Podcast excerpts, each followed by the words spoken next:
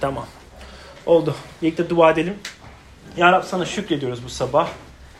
Sözünde dediği gibi Ya Rab sen bizimlesin. Bizim aramızdasın. Sana sığınıyoruz Ya Rab. Okuyacağımız sözler e, bu eski anlaşmadan ve yeni anlaşmadan okuyacağımız sözler o kadar derin, o kadar e, bizim kapsayamayacağımız konular ki sana sığınıyoruz. Sen e, göremeyen gözlerimizi görür, duyamayan kulaklarımızı duyar eyle. E, sana sığınıyoruz, sana şükrediyoruz. E, dileriz biz değil, kendi bencil görüşlerimiz değil, senin yöntemlerin, senin yönle- yönlendirişin bizde bugün görülür, e, tanınır. İsa Mesih'in yüce adıyla. Amin. Amin. Şöyle bir e, sözle açmak istiyorum. Oscar Wilde'ın bir sözü var. Yaşamak dünyanın en nadir şeyidir. Çoğu insanlar yalnızca vardır. Hepsi bu diye güzel bir sözü var. Bugün bahsedeceğimiz konu aslında biraz da ona dönüyor. İnsanlar elbette bu dünyada 21. yüzyıldayız. Google gibi elimizde böyle bir şey var. İstediğimizi arayıp bulabiliyoruz. Bilgi her tarafta. Ama hala zorlandığımız konu ben kimim? Ne yapıyorum burada? Bir insanlar niye hala savaşıyor? Bu kadar güzel şeyler var. Her yıl binlerce, yüzlerce kendini geliştirme kitapları yazılıyor. Ama o kadar da bir ilerleme yok. Dinler her tarafta. Onda da ilerleme yok. Ee, Avrupa'ya bakıyorsun. Ateizm ya da deizm olsun fırlamış yukarıda. Türkiye'de mesela biliyorsunuz, bilmiyor, emin değilim biliyor musunuz? Son iki yılda deizm ve ateizm %10 yaklaşık %10 artmış durumda. Ve merak ediyorsun yani herkes hala bir arayış içinde. Ee, Bugün bakacağımız bir konu yaklaşık 2600 yıl öncesine geri götürüyor bizi. Ve orada da bize e, Yahudilere, e, o dönemdeki Yahudilere verilen e, bir e, mektupta geçiyor. Yeremya kitabında. Yeremya bir peygamber. Um, e, bunu e, Rüveyda okuyacak bizim için. Rüvey, e, ne, e, Yeremya 29 e, 4'ten 9'a kadar. İsrail'in tanrısı her şeye egemen Rab yer, Yeruşalim'den Babil'e sürdüğü herkese şöyle diyor. Evler yapıp içinde oturun, bahçe dikip ürününü yiyin, evlenin, oğullarınız kızlarınız olsun. Oğullarınızı kızlarınızı evlendirin, onların da oğulları kızları olsun. Orada çoğalın, azalmayın. Sizi sürmüş olduğum kentin esenliği için uğraşın, o kent için Rabbe dua edin. Çünkü esenliğiniz onunkine bağlıdır. Evet İsrail'in tanrısı her şeye egemen Rab diyor ki aranızdaki peygamberlerle falcılara aldanmayın. Düş görmeye özendirdiğiniz kişilere kulak asmayın. Çünkü onlar adımı kullanarak size yalan peygamberlik ediyorlar. Onları ben göndermedim. Rab böyle diyor. Şimdi bunu birazdan tekrar okuyacağız. Daha iyi oturması için. Bunun bir arka planını paylaşmak istiyorum ben sizle. Şimdi Yeremya o dönemdeki bir peygamber. Ee, Yahudilere gönderilmiş. Yahudileri uyarıyor. Yeremya kitabında e, birden 24'e kadar bayağı bir uyarılarla geçiyor. Bu Yeremya kim? Nasıl, bir görev verilmiş ona? Onu okuyorum. Yeremya 1.10'da şöyle diyor. Bak ulusların ve ülkelerin kökünden sökülmesi, yıkılıp yok olması, yerle bir edilmesi, kurulup dikilmesi için bugün sana yetki verdim. Böyle bir çok ilginç bir görev veriliyor. Çünkü henüz e, İsrailler hala özgür bir devlet bu dönemde. Bu ilk geldiğinde. 20-24 ayet boy, e, bölüm boyunca İsraillere uyarıyor. Ya dönerseniz, kötülükleri yaptığınız kötülüklerden dönerseniz sizi hala kurtarabilirim. Ama dönmezseniz kuzeyden gelen bir ordu var. Sizi yakıp yıkacak. Böyle bir e, ilginç bir uyarıda bulunuyor. Yeremya 5.28'de şöyle diyor onlara. Semirip parladılar. Yaptıkları kötülüklere kötülüklerle sınırı aştılar. Kazanabilecekleri halde öksüzün davasına bakmıyorlar. Yok, yoksulun hakkını savunmuyorlar. Ve Yahudilerin bulunduğu durum bu. Ya oralar oradaki e, kral, peygamberler, e, din adam din adamları bir araya gelmiş. Kendileri çok iyi geçiniyor ama fakir halka ve hakkını koruyam- koruyamayacak olanları normalde Tora'ya göre, Tevrat'a göre koruması gelen, gereken insanları korumuyor. Ve burada Yeremye giriyor foto, bu, bu resme ve diyor ki bakın uyarıyorum kuzeyden bir ordu gelecek sizi yok edecek dönün hazır böyle daha zaman varken ve bu arkadaşlar dönmüyor. Ee, ve bunları alıp e, Babil şöyle bir plan yapıyor. Babil o dönemde e, işgal ettikleri devletlere şunu yapıyordu. Bunları işgal ediyor. Aralarındaki en yeti, yetişkin, en ileri gelen insanları alıyor. Kendi memle- e, Babil'e götürüyor. Ve götür sadece fakir fukara halkı, eğitimsiz halkı geride bırakıyor ki maksat oradan hala ürünler yetiştirilsin, orayı döndürsünler. E, bunları alıp götürüyor. Bunun yapmasının da şöyle bir nedeni vardı. Maksat bunlar özünü kaybetsin. Şimdi size e, bu tarihi bir bilgi verdikten sonra size şunu paylaşacağım bugün. Üç vizyon var aslında bu Yeremye kitabında. Yeremya'nın geçmişe bakarsan Yeremya'da üç vizyon var. Birisi Babil vizyonu. Babil vizyonu biraz önce bahsettiğim kendiniz yani İsrail geride kaldı artık. Artık siz buradasınız. Her şeyi geride bırakın. Siz artık Babilli olun. Yani ne demektir? Kendi dininizi arkada bırakın. e, Kendi inançlarınızı, kültürlerinizi arkada bırakın. Gelin yeni bir yer oluşturalım. Aynı zamanda burada İsrailler var. İsrailler bir oraya taşınan İsrailler de şey diyor. Ya biz oraya gittik ama şey yapmayalım. Bunların arasına karışmayalım. Biz kendimizi bunlardan ayrı tutalım. Bunlarla birlikte olmayalım. Biz kendi dinimizi koruyalım, kültürümüzü koruyalım. Hiçbir şekilde onlarla iletişimimiz olmasın. Bunu istiyorlar. Ve bunun üstüne Yeremye geliyor. Ve Yeremye burada ne diyor? Tekrardan ben okuyacağım şimdi. Yeremye şunu söylüyor.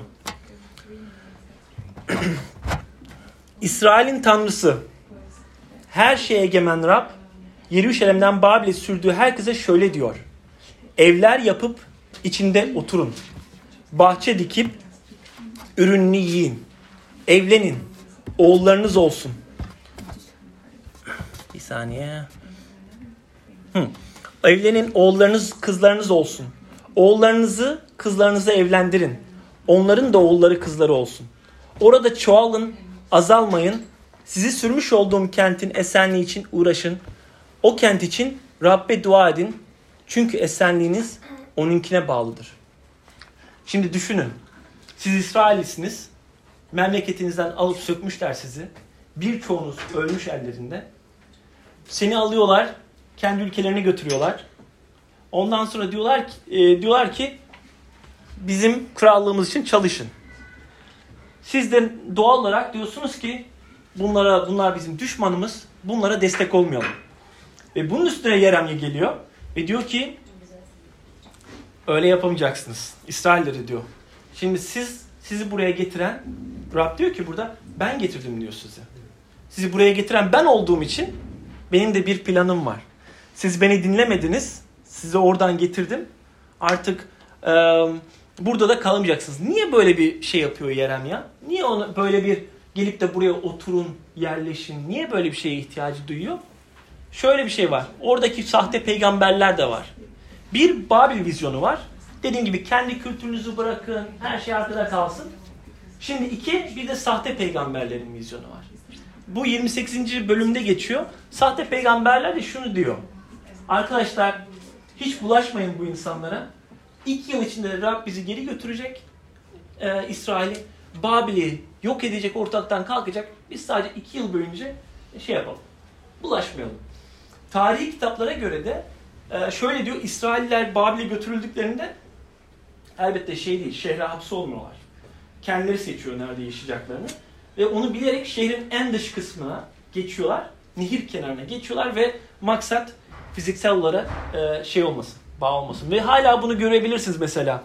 Brooklyn, New York'taki Brooklyn'da bile bazı mahalleler Yahudi mahalleleridir.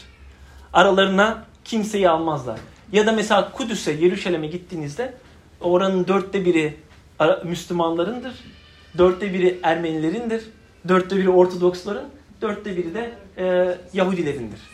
Orada bile böyle kendilerini ayırma ve koruma bir politikası izliyor. Muhafazakar, kendimizi koruyalım, kültürümüzü şey yapmayalım, e, karıştırmayalım bunlarınkine. Böyle bir e, Umut'un sesi.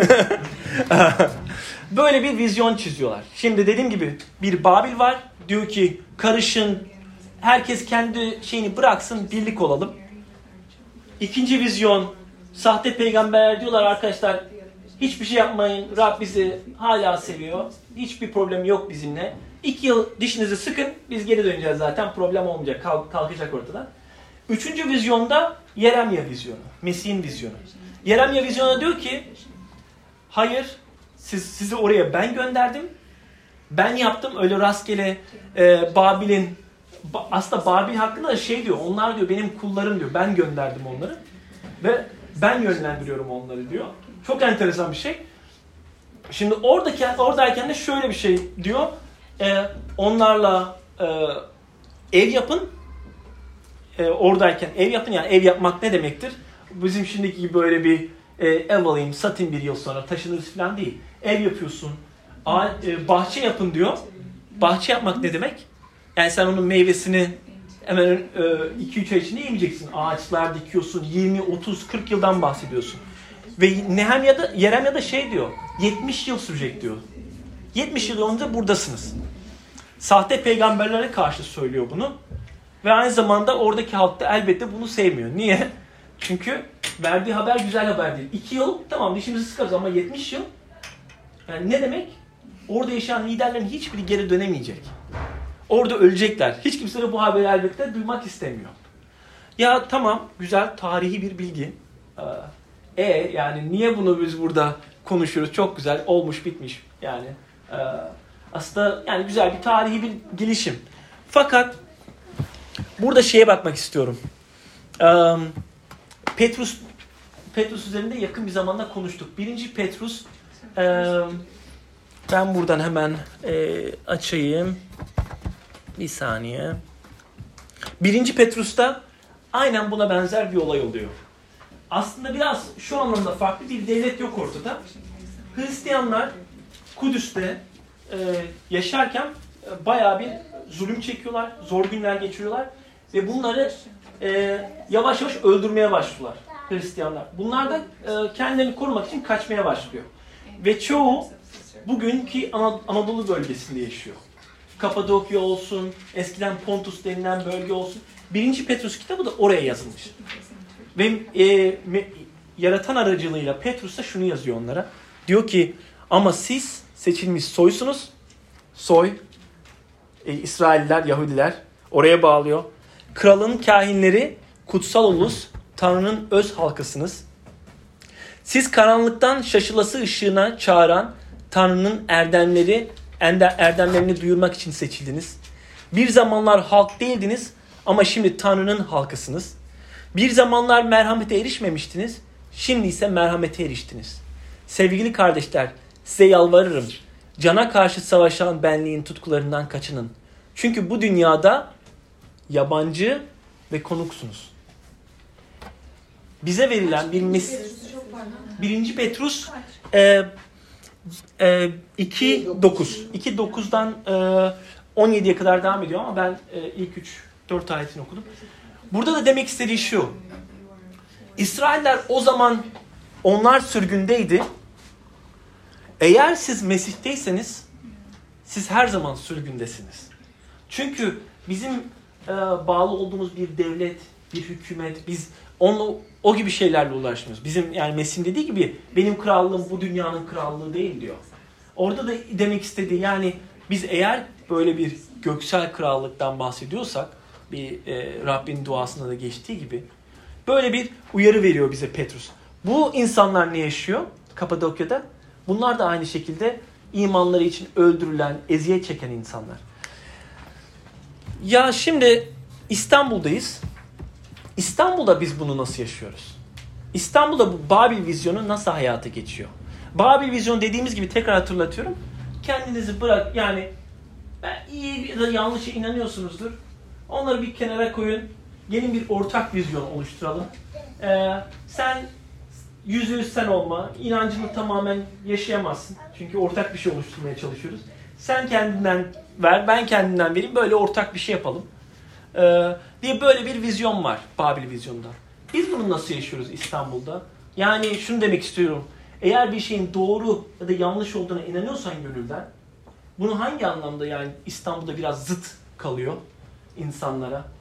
Bir örneğini vereyim ben. Ben başlatayım. Siz de isterseniz paylaşabilirsiniz. Mesela bildiğiniz gibi bizim eğitim ve danışmanlık firmamız var. Küçük çocuklara e, İngilizce eğitim ve danışmanlık yapıyoruz.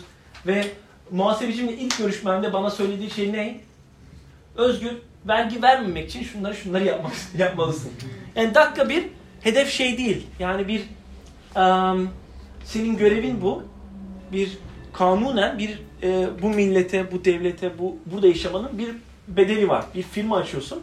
Sen bir gelir elde ediyorsun. Bunda bir maliyeti oluyor elbette. Ama onun düşüncesi ne? Arkadaş ne kadar cepte kalırsa o kadar iyi herkes kendini kurtarmaya çalışıyor. Eğer Mesih isek, eğer ben buraya Rabbin dediği gibi evlenin, e, ev alın, e, bir yatırım yapın diyor orada. Yani ben de buraya şey için gelmedim. Yani illa hep bana hep bana olması yanlış bir şey. E, komşunuz sevin diyor mesela Mesih. Komşunuzu kendiniz gibi sevin. Ben eğer komşumu seviyorsam ve aynı vergiden çalıyorsam nasıl sevgi bu? Çünkü o vergilerle umuyoruz ki o da insanlara e, destek olunuyor, kullanılıyor. Bu mesela basit bir örneği değil mi? Kendini kurtarmak için, günü kurtarmak için e, ne Rab kalıyor ortada, ne iman, ne bir e, inanç ortada aslında. Siz nasıl görüyorsunuz hayatınızda ya da çevrenizde gördüğünüz var mı böyle bir zıtlık? Buna inanıyorsunuz ama hayati koşullar ya da İstanbul sizi farklı bir yöne itiyor olabilir. Var mı böyle aklınıza gelen?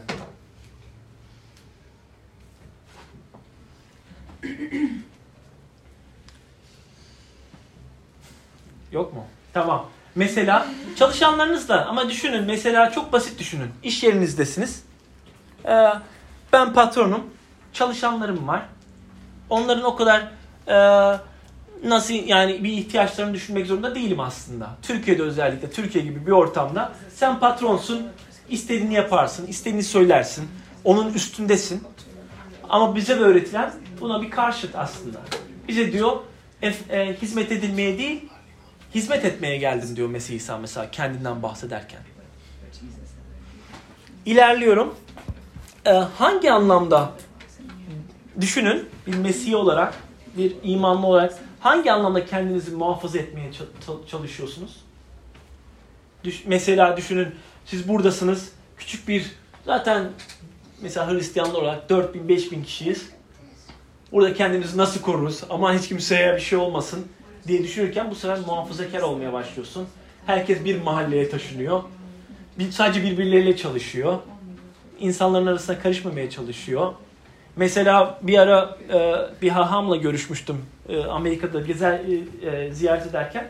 Şey dedi bize, Özgür dedi biz e, ilk başlarda ilk Hristiyanlar geldiğinde Hristiyanlar tapınma sırasında biz yapıyorduk dedi. Ellerini kaldırmaya başladı böyle tapınma sırasında.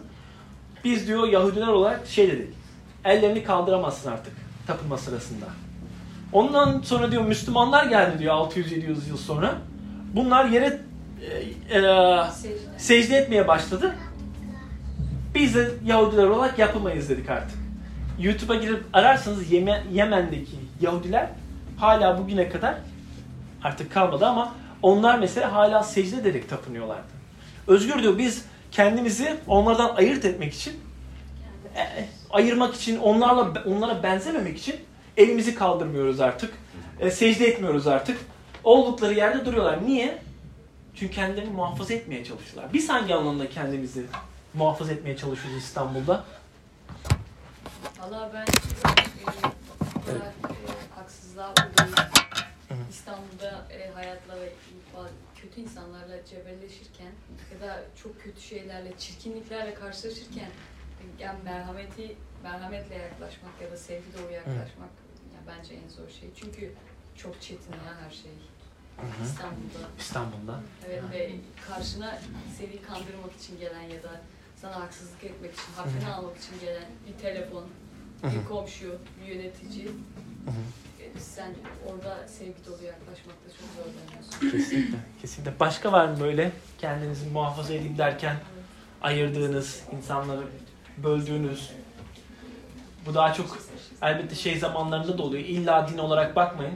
Felsefe açıdan da bakabilirsiniz. Ya da politik görüşlerde de aynısı oluyor. Kendinizi böyle böyle böyle böyle muhafaza edeyim derken geldiğimiz durumda sonunda birkaç kişi kalış, e, kalıyoruz. Özellikle Twitter'a bakarsanız bunu görebilirsiniz. Yani iyi bir şey bile söylesen birisi gelip orada bir kelimeyi bulup şey yapmaya çalışabiliyor.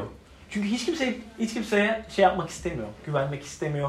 Böyle bir korkularımız var. Ve sonra da Yeremye'ye geliyoruz. Üçüncü vizyona geldik. Üçüncü vizyonda da size kısacası e, e, bizim bize verilen en iyi örnekten bahsetmek istiyorum. Bize verilen en iyi örnek bu Yeremya'daki düşmanla hatırlatıyorum tekrardan. Düşmanlarınıza diyor hizmet edin. En sonunda şöyle bir cümle de kullanıyor. Ee, eğer o mesela Petrus daha yakın diyor onu kullanıyorum. Petrus da şöyle diyor en sonunda. Ee, herkese saygı gösterin. imanlı kardeşlerinizi sevin. Tanrı'dan korkun. Krala saygı gösterin. Bu kral dediği kişi de yani çarmıha gelip yakan yani bu Nero da dahil bunun içine. Yani bir şey söylemiyor. Bu krala saygı gösterin buna göstermeyin yok. Krala saygı gösterin. Böyle bir bize bir emir veriliyor. Yani İstanbul'da yaşarken, Türkiye'de yaşarken bunu direkt hayatımıza getirmemiz gerekiyor. Bazen yabancılar özellikle bunu e, minority dediğimiz böyle özellikle Türkiye'de mesela Ermeni gruplar, Yunan, Ortodoks, Yahudiler ya da bizim gibi protestan gruplarda görebilirsiniz. Her zaman bir şey vardır. Bir korkularımız vardır. Hiç kimseye güvenmeyiz. Çünkü böyle kendimizi hayatta kalmaya çalışıyoruz bir nevi. Ee, ve de onlara baktığınızda bazen şey olabiliyor. Ee, devlete karşı bir güvensizlik, nefret, bir e, yani Ön yargı. ön yargı. Dediğiniz doğru. Ön yargı çok bu ama düşünün ve siz bizi öldüren, öldürmeye çalışan insanlar yok. O zaman onlar öldürülüyor ve orada diyor ki krala saygı gösterin. Ve başka bölümlerde diyor ki onun için dua edin ve bize zaten Mesih'ten verilen düşmanlarınız için dua edin kavramı var. Bunun için en güzel örnek e, bize verilen Mesih İsa.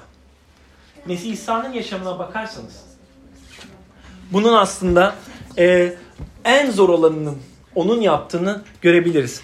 Onu da şuradaki ayette göz, e, paylaşmak istiyorum. Hızlıca geçeceğiz. Filipliler 2.5'te şöyle diyor. Mesih İsa'daki düşünce, İsa'daki düşünce sizde olsun. 6 devam ediyorum. Mesih Tanrı özüne sahip olduğu halde Tanrı'ya eşitliği isim sıkı sarılacak bir hak saymadı. Mesih'ten bahsediyoruz. Bizim gibi e, günah içinde yaşayan insanlar değil. Bu Tanrı'dan, Tanrı ile bir olan Mesih'in kendi bulunduğu pozisyonu hak saymayıp dünyaya geliyor ama kul özünü alıp insan benzeyişinde doğarak ululuğunu bir yana bıraktı. İnsan biçim, biçimine bürünmüş olarak ölüme, çarmı üzerinde ölüme bile boyun eğip kendini alçattı. Dediğin çok doğru biraz Rüveyda. Yani o kadar güvensizlik içinde yaşıyoruz ki burada. Ve her an birisi bize bir şey yapacak korkusuyla yaşıyoruz. Ya da bir telefon çalacak, kötü bir haber gelecek. Onun korkusuyla yaşıyoruz. Ama Mesih'in yaptığı biraz daha her şeyin çok üstünde. Aslında e, karşılaştırırken biraz böyle bütün korkularımız hafiften de olsa yok olabiliyor. Düşünün, yaratan, o yaratan, o üçlü birlikteki o tamlıktan gelen oğul kendi özünü bırakıp insanların arasına geliyor. İnsanların arasında yaşarken onu anlamıyorlar. 3 yıl boyunca 30 e, yaşında çünkü başlıyor paylaşmaya. 3 yıl boyunca yanlış anlaşılıyor. Dediği gibi ayetlerde de bunu Kur'an'da da bulabilirsiniz. Günahsız bir yaşam sürüyor. 3 yılın sonunda birçokları uğruna biraz önce yapacağımız sofrada hatırlayacağımız gibi kendini feda ediyor. Çarmut'ta geriliyor. Ve hatırlayın çarmıhtayken onu çarmıha koyanlar şey diyor. Diyor mesela ya hani hani o kadar güçlüydün. Hani Allah'ın oğluydun. Hani indirsene. Ve buna rağmen orada İsa şunun farkına varabiliyor. Ne dediklerini bilmiyorlar. Baba onları affet. Yani böyle bir efendiden geldiğimiz için eğer biz Hristiyanız, Hristiyan demek, Hristiyan demek küçük Mesihler, küçük Hristi, e, İsa'lar anlamına geliyor. Eğer biz Mesih'e bağlıyorsak kendimizi aslında ne kadar e, ne halkımızı, ne İstanbul'daki e, milletleri, ne komşumuzu e, o kadar iyi sevemediğimizin farkına varıyoruz. Aslında en büyük günahımız Aslında bu. Çünkü e, her zaman eğer ya bakıyorsun dışarıda ya bu ne kadar kötü bir insan, bu ne kadar şöyle, bu devlet niye böyle? Sen bir anlamda yanlış anlaşılabilir. Günahkara günahkar diye laf etmek farklı bir şey. Ama aynı zamanda eğer sen Mesih bende diyorsan ve hala düşmanlarını sevmiyorsan, hala komşunu kendinden daha fazla sevmiyorsan burada biraz e, aslında e, kendimizde olan suçu başka birinden atma gibi bir e, yanlışı işliyoruz açıkçası. CS, e, şey de geliyor aklıma. Son bitirmek üzereyim. E, bakıyorsun Yahudiler o dönemde yaşadıkları acıların çoğunu niye yaşıyorlar? Bir, Yerem'de de ekliyor. Siz diyor günah işlediniz. Yoksulların, e, e, kadınların hakkını yediniz. Onları ezdiniz. Bu nedenle ve diğer tanrılara taptınız. Bu nedenle ben sizi alıp götüreceğim. Şimdi bakıyorsun eğer biz Petrus'ta ona bağlıyorsak bizim günahımız ne? Yani ben öyle bir şey yapmıyorum. Normal. İsa'ya İsa'ya yeniden bir insan. Ben niye acı çekiyorum? Onlar tamam. Yaptıkları için acı çekti. Ben niye acı çekiyorum? Bu geliyor aslında aklıma. Yani düşünüyorum ya tamam orada bir şey öğretiyordu. Ya bana niye? Yani ben niye burada diyorsun mesela tanıdığın biri vefat ediyor. Çok yakından tanıdığın. Ya da bir arkadaşın özellikle şimdi Türkiye'de görüyorsun intihar ediyor. E, bir acı içindeyiz hala. Yani Hristiyan yapmak ben e, Cihan'la konuşurken de hep söylemişimdir. Bir Hristiyan olmak senden bir e, bu dünyada acı çekmeyeceksin. Her şey rahat, mükemmel olacak, devam et yoluna. E, kimse seni tutamaz olayı yok. Aslında tam tersi. Tam tersi bir olay. Niye biliyor musun? Yani e, o kadar yaratanın o kadar kuvvetli, o kadar mükemmel olduğunu anlıyorsun. Algılamaya başlıyorsun. Ama aynı zamanda yaşadığın o acı biraz da böyle ya yapabilirdin niye bir şey yapmadın? Yani ama şu geliyor aklıma. C.S. Lewis belki duymuşsunuzdur. Narnia diye kitapları vardı. Orada şöyle bir şey diyor. Tanrı diyor bize zevklerimizde, hoşnut olduğumuz alanlarda fısıldar.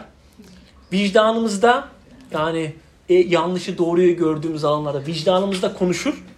Ama acılarımız, acılarımızda bağırır. Acılarımız ise sağır bir dünyayı uyandırması için onun megafonudur.